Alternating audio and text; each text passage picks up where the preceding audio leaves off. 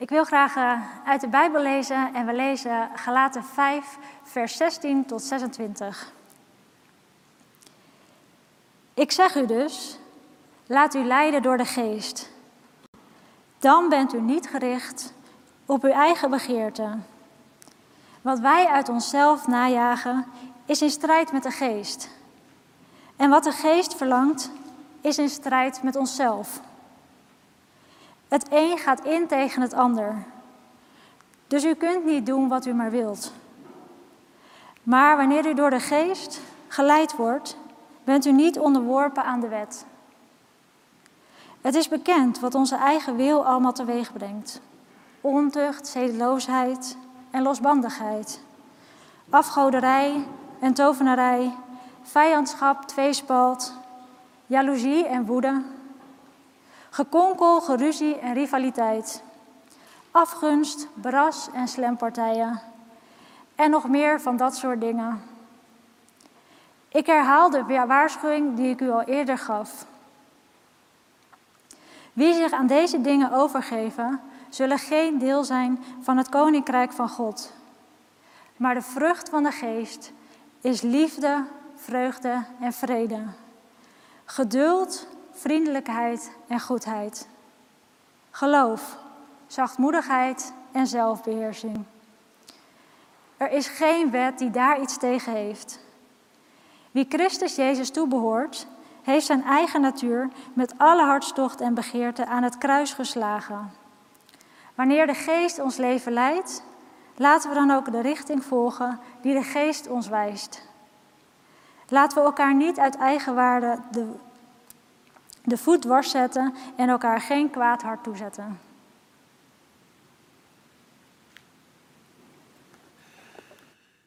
Dit zijn woorden van uh, Paulus en we hebben ze vorige week ook al gehoord uh, vanuit de gelaten brief. Het zijn woorden die eigenlijk, uh, er zit geen woord Spaans bij zouden we zeggen. Het is heel duidelijk, het is best wel direct, best wel confronterend ook. maar dat is wel waar de brief over gaat aan de gelaten. Als je deze brief leest die Paulus heeft geschreven, dan zou het hoofdthema kunnen zijn de wet en de genade. Mensen die van Joodse afkomst kwamen, die kwamen tot geloof door het evangelieverkondiging van Paulus. En vrij kort daarna kwamen er andere christelijke verkondigers die hen een ander evangelie brachten, namelijk weer dat je aan de wet van Mozes moest houden om gered te kunnen worden. En Paulus schrijft naar aanleiding daarvan deze brief. En in dit Bijbelgedeelte belicht hij eigenlijk het grote verschil tussen onze eigen natuur aan de ene kant, onze eigen inbreng, onze eigen verlangens, en die van God, Gods wil, Gods natuur en zijn verlangens. En die twee belicht hij in dit stuk wat Henrike net met ons gelezen heeft. En ook de eigenschappen van God zelf, die deel worden van een ieder die tot geloof komt. Daar worden die eigenschappen, de vrucht van de geest, die worden deel van een ieder van ons. En we weten allemaal dat de ontwikkeling van die vrucht een proces is. Elk onderdeel daarvan is een proces waarin we ons mogen voegen tot de ontwikkeling daarvan. En we zullen nooit 100% ontwikkeld zijn in deze vrucht, maar we mogen wel gaan groeien in deze vrucht. Maar het start, het start met een hele fundamentele basis, namelijk het erkennen van Jezus Christus als je verlosser en Heer.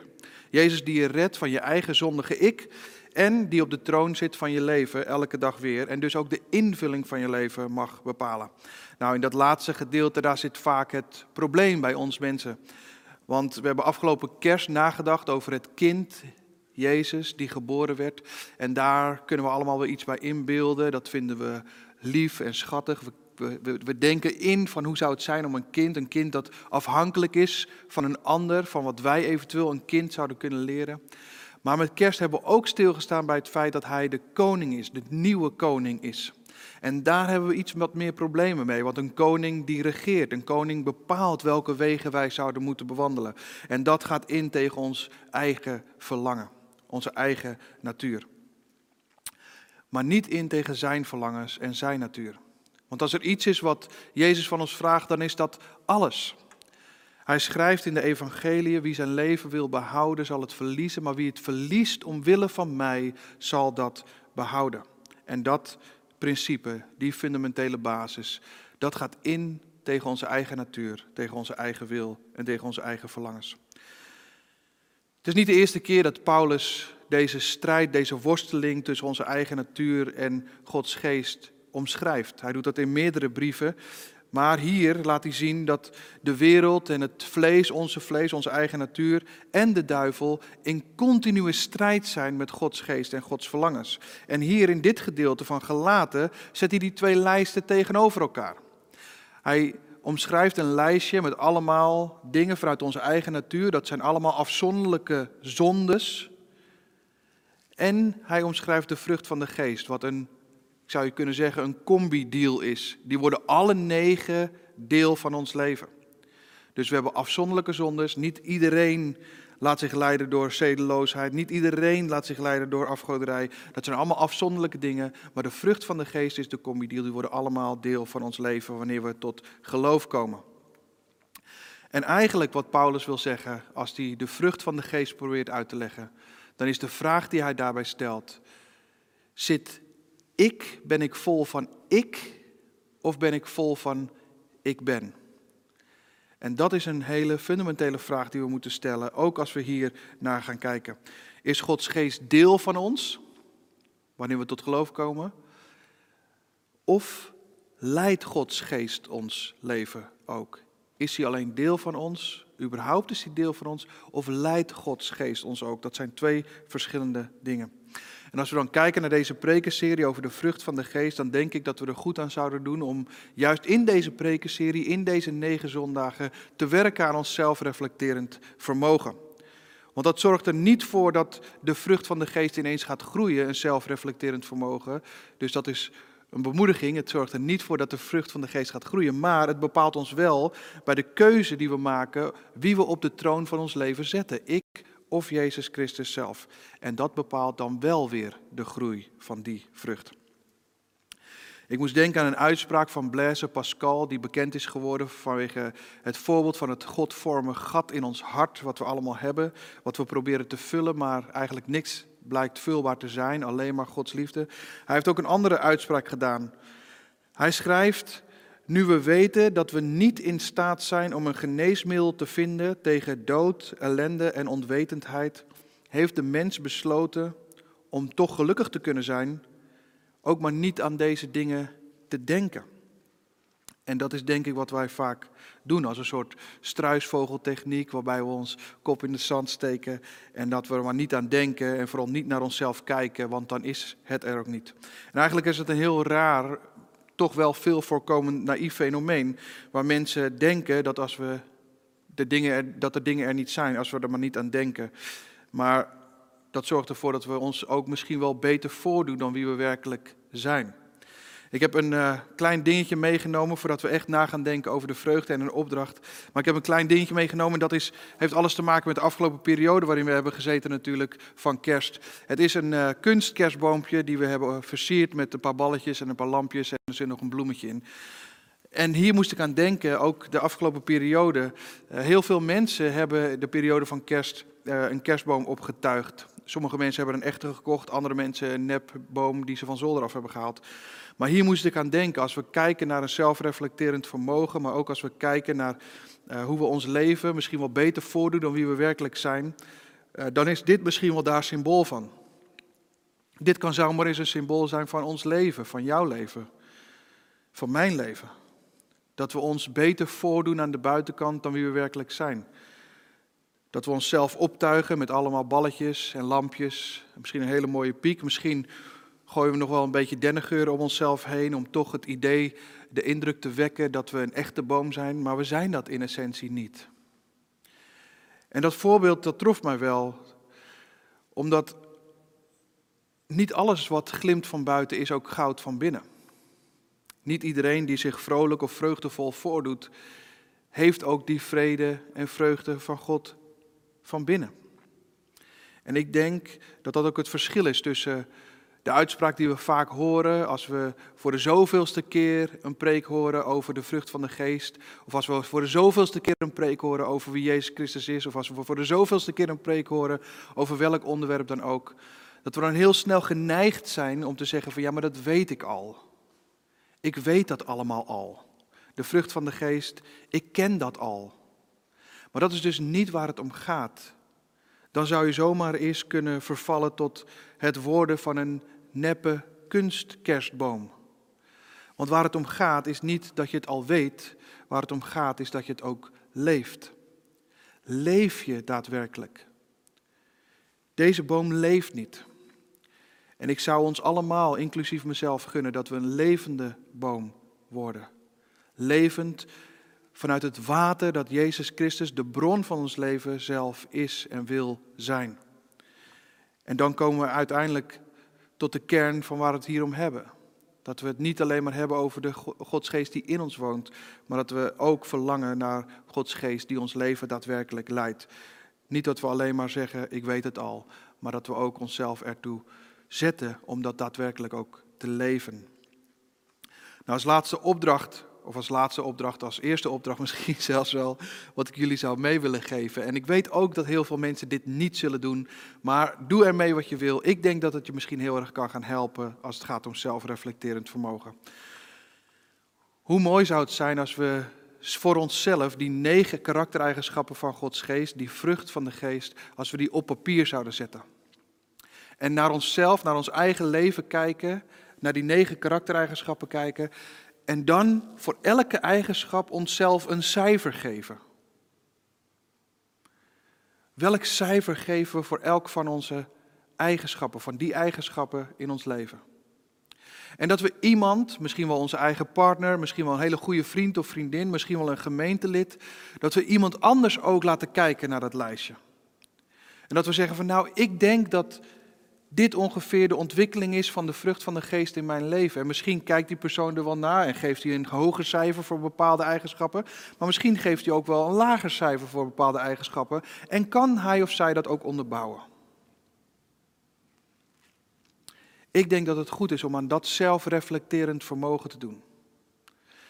Dat we misschien wel, zou je kunnen zeggen, een soort groeimaatje hebben. Een groeimaatje hebben die naar ons leven kijkt, naar de vrucht van de geest en de ontwikkeling daarvan kijkt en durft te zeggen, oké, dit is in mijn beleving de status van de ontwikkeling van de vrucht van jouw geest. Van de geest, van Gods geest in jouw leven. En dan moeten we misschien niet zozeer kijken naar wat we dan vervolgens gaan doen. Dat, dat willen we misschien wel. Maar dat we niet kijken naar wat we vervolgens gaan doen. Maar dat we misschien in eerste instantie gaan kijken naar wat we zouden moeten laten. Niet wat we moeten doen, maar misschien wel naar wat we moeten laten.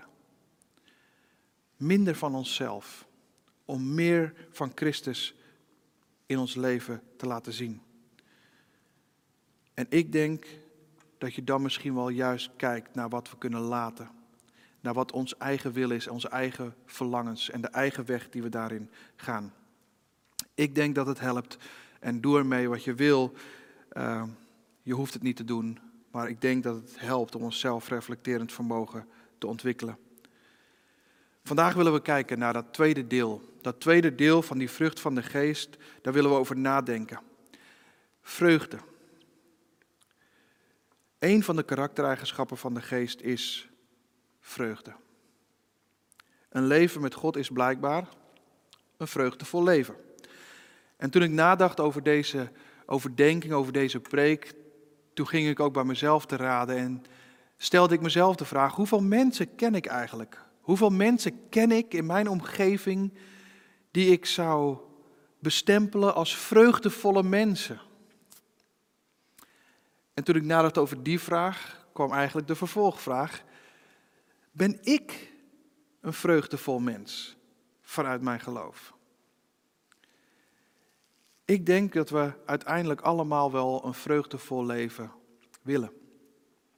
En tegelijkertijd realiseren we ons eigenlijk allemaal wel dat vreugdevol leven ook iets ongrijpbaars is. We kunnen niet vreugdevol zijn op commando. Ik denk dat heel veel mensen dat wel doen. Dat heel veel mensen dingen gaan doen om vreugdevol te zijn, om ergens vreugde in te vinden, vervulling in te vinden.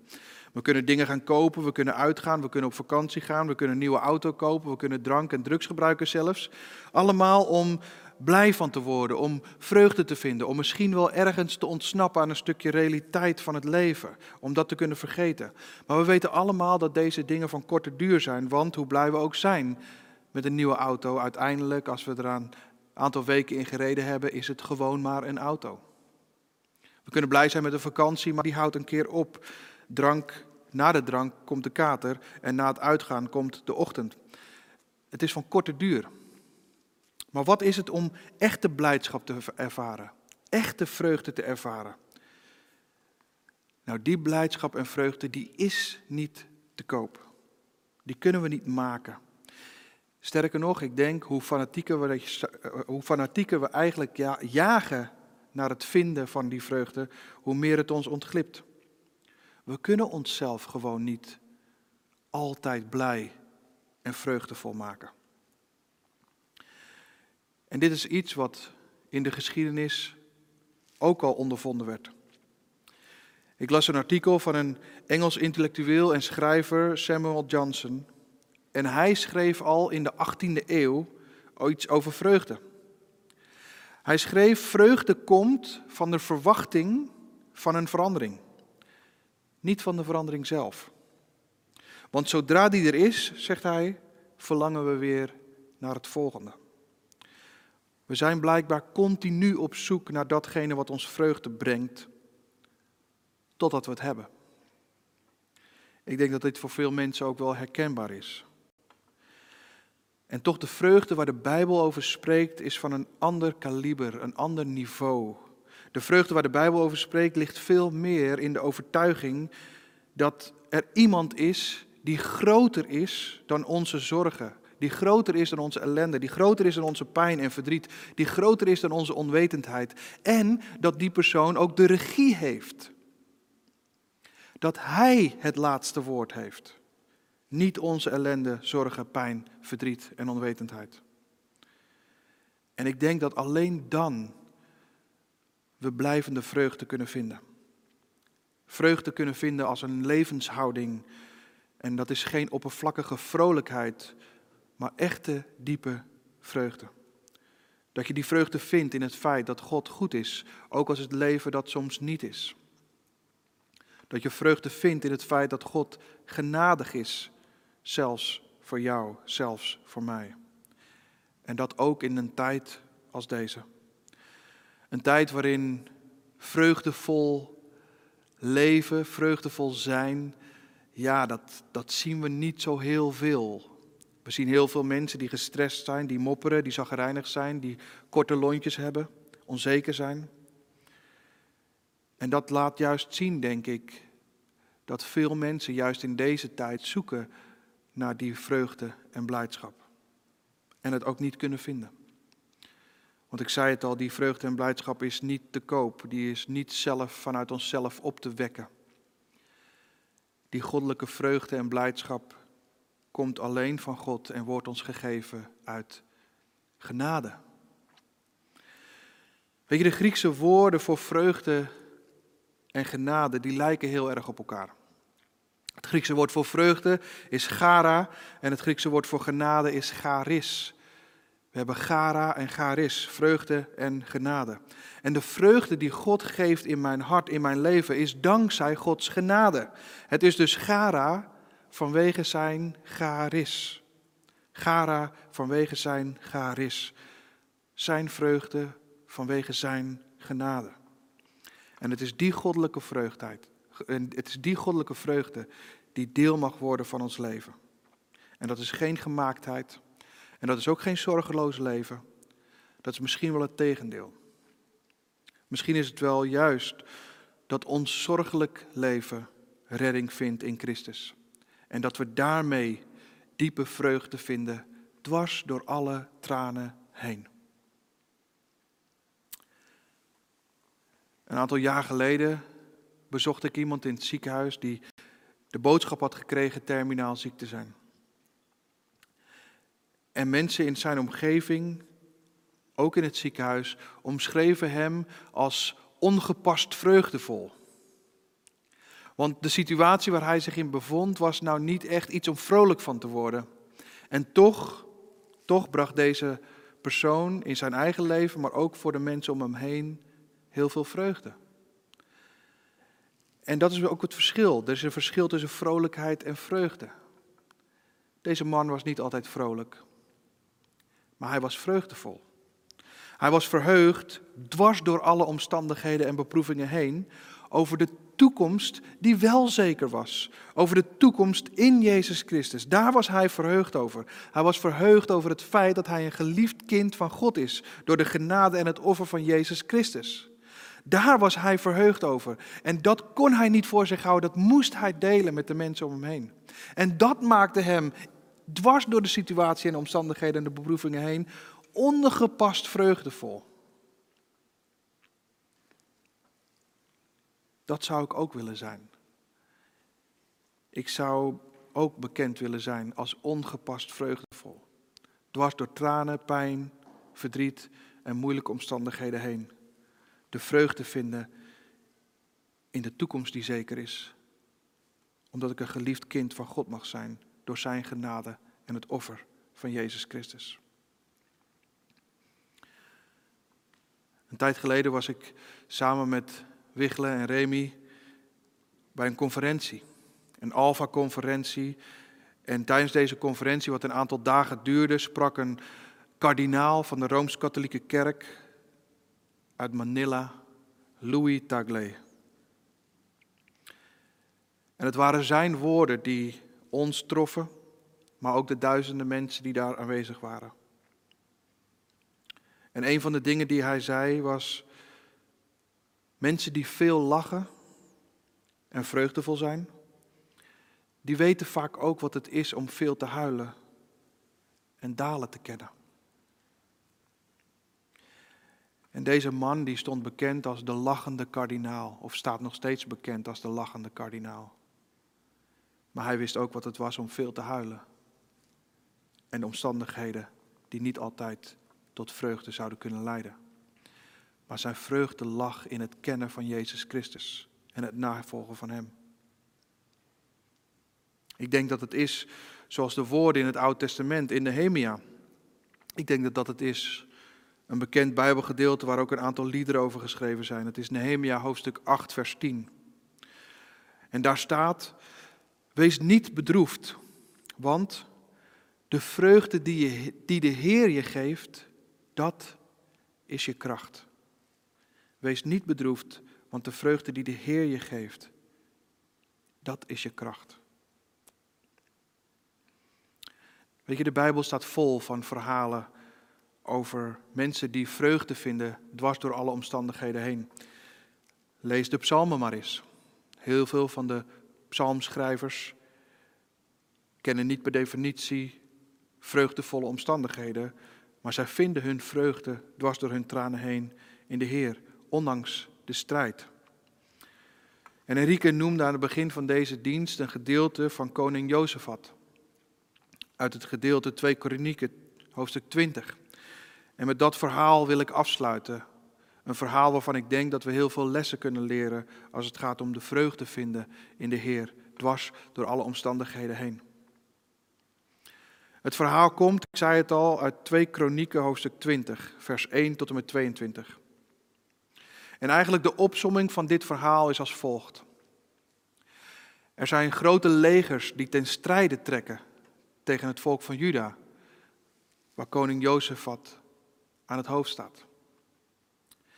En terwijl er het bericht binnenkomt dat grote legers ten strijde gaan trekken tegen hem en zijn volk, wordt hij onrustig. En dan lezen we uiteindelijk de woorden ook die Henrike net heeft gelezen. Hij zoekt in de onrust die op hem afkomt, zoekt hij de Heer. En dan staat er dat hij een onbepaalde tijd van vasten heeft aangekondigd. En in die onbepaalde tijd van vasten komen er allerlei mensen vanuit allerlei verschillende steden. Die komen allemaal bij elkaar. Ze zoeken allemaal de verbinding met elkaar op om juist mee te doen in dat vasten. en Gods aangezicht te zoeken. En dan is het vanuit die verbinding en vanuit het vasten dat Jozefat zich verootmoedigt als koning tegenover God. En in die verootmoediging zoekt hij de Heer en zegt hij: Wij hebben geen kracht om het op te nemen tegen deze legers. Wij hebben daar niet de kracht voor. Wij weten niet wat we moeten doen. Wij kunnen niet anders dan alleen maar ons oog gericht houden op U. En dan is het de Heer die spreekt. Je hoeft niet bang te zijn. Dit is niet jouw strijd. Dit is mijn strijd. Laat je niet ontmoedigen. Ga hen morgen tegemoet en vertrouw erop dat ik, ik sta je bij. En dan beginnen ze God te aanbidden. En dan staat er in dat Bijbelgedeelte dat ze lofliederen gaan zingen. En misschien herkennen we dat wel uit ook andere Bijbelgedeeltes. Dat ze ondanks de omstandigheden God lofliederen gaan zingen. En de volgende morgen leeft hij ook daadwerkelijk voor. Hij leeft voor datgene wat God tot hem gesproken heeft. De volgende morgen roept hij een heel koor bij zich. En dat hele koor verzamelt zich en dat zet hij uit. En dat mag voor het leger, voor zijn eigen leger uitgaan het andere leger tegemoet.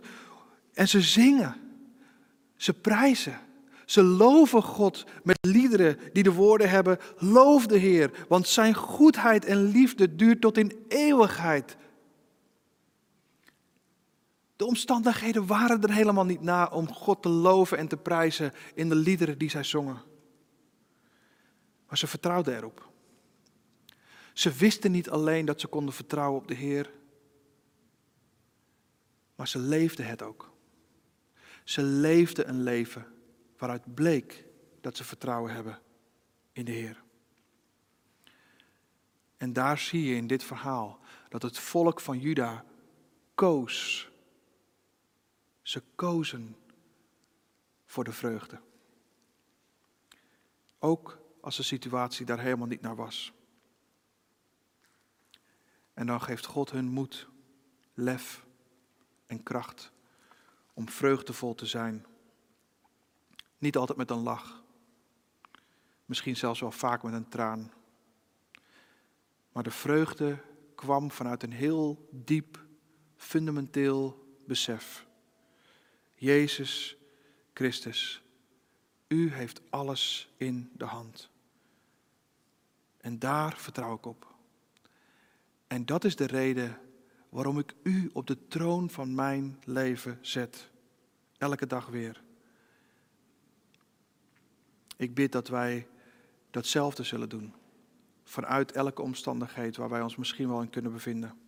Geen kunstboom die naar de wereld toe vrolijk lijkt.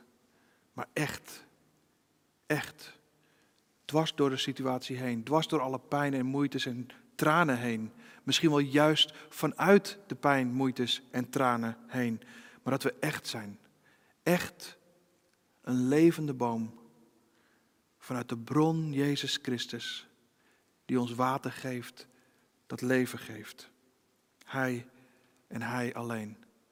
Wanneer we ons oog gericht hebben op Hem, zullen we merken dat we vanuit dat besef vreugdevol kunnen zijn. Ondanks alle omstandigheden. Zullen we samen God zoeken, zijn aangezicht zoeken en bidden, juist nu, in deze tijd, om die vreugde te vinden.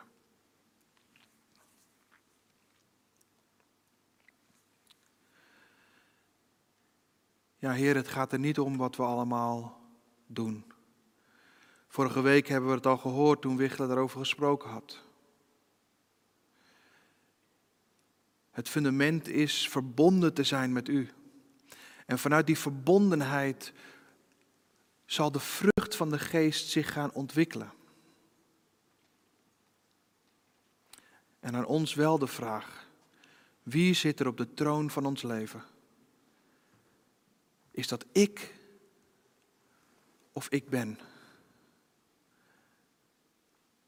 Ik bid dat dat de grote ik ben zal zijn. U Yahweh, onze redder, onze verlosser, ons kind dat we met kerst hebben gevierd, maar ook onze koning die ons leven mag regeren en mag bepalen waar we gaan en staan. Vanuit dat besef mogen we vrucht zien in ons eigen leven. Mogen we vreugdevol zijn. Misschien niet altijd ons vreugdevol voelen, maar mogen we vreugdevol zijn om wie u bent en om wat u heeft gedaan. Dat we een geliefd kind van u zijn.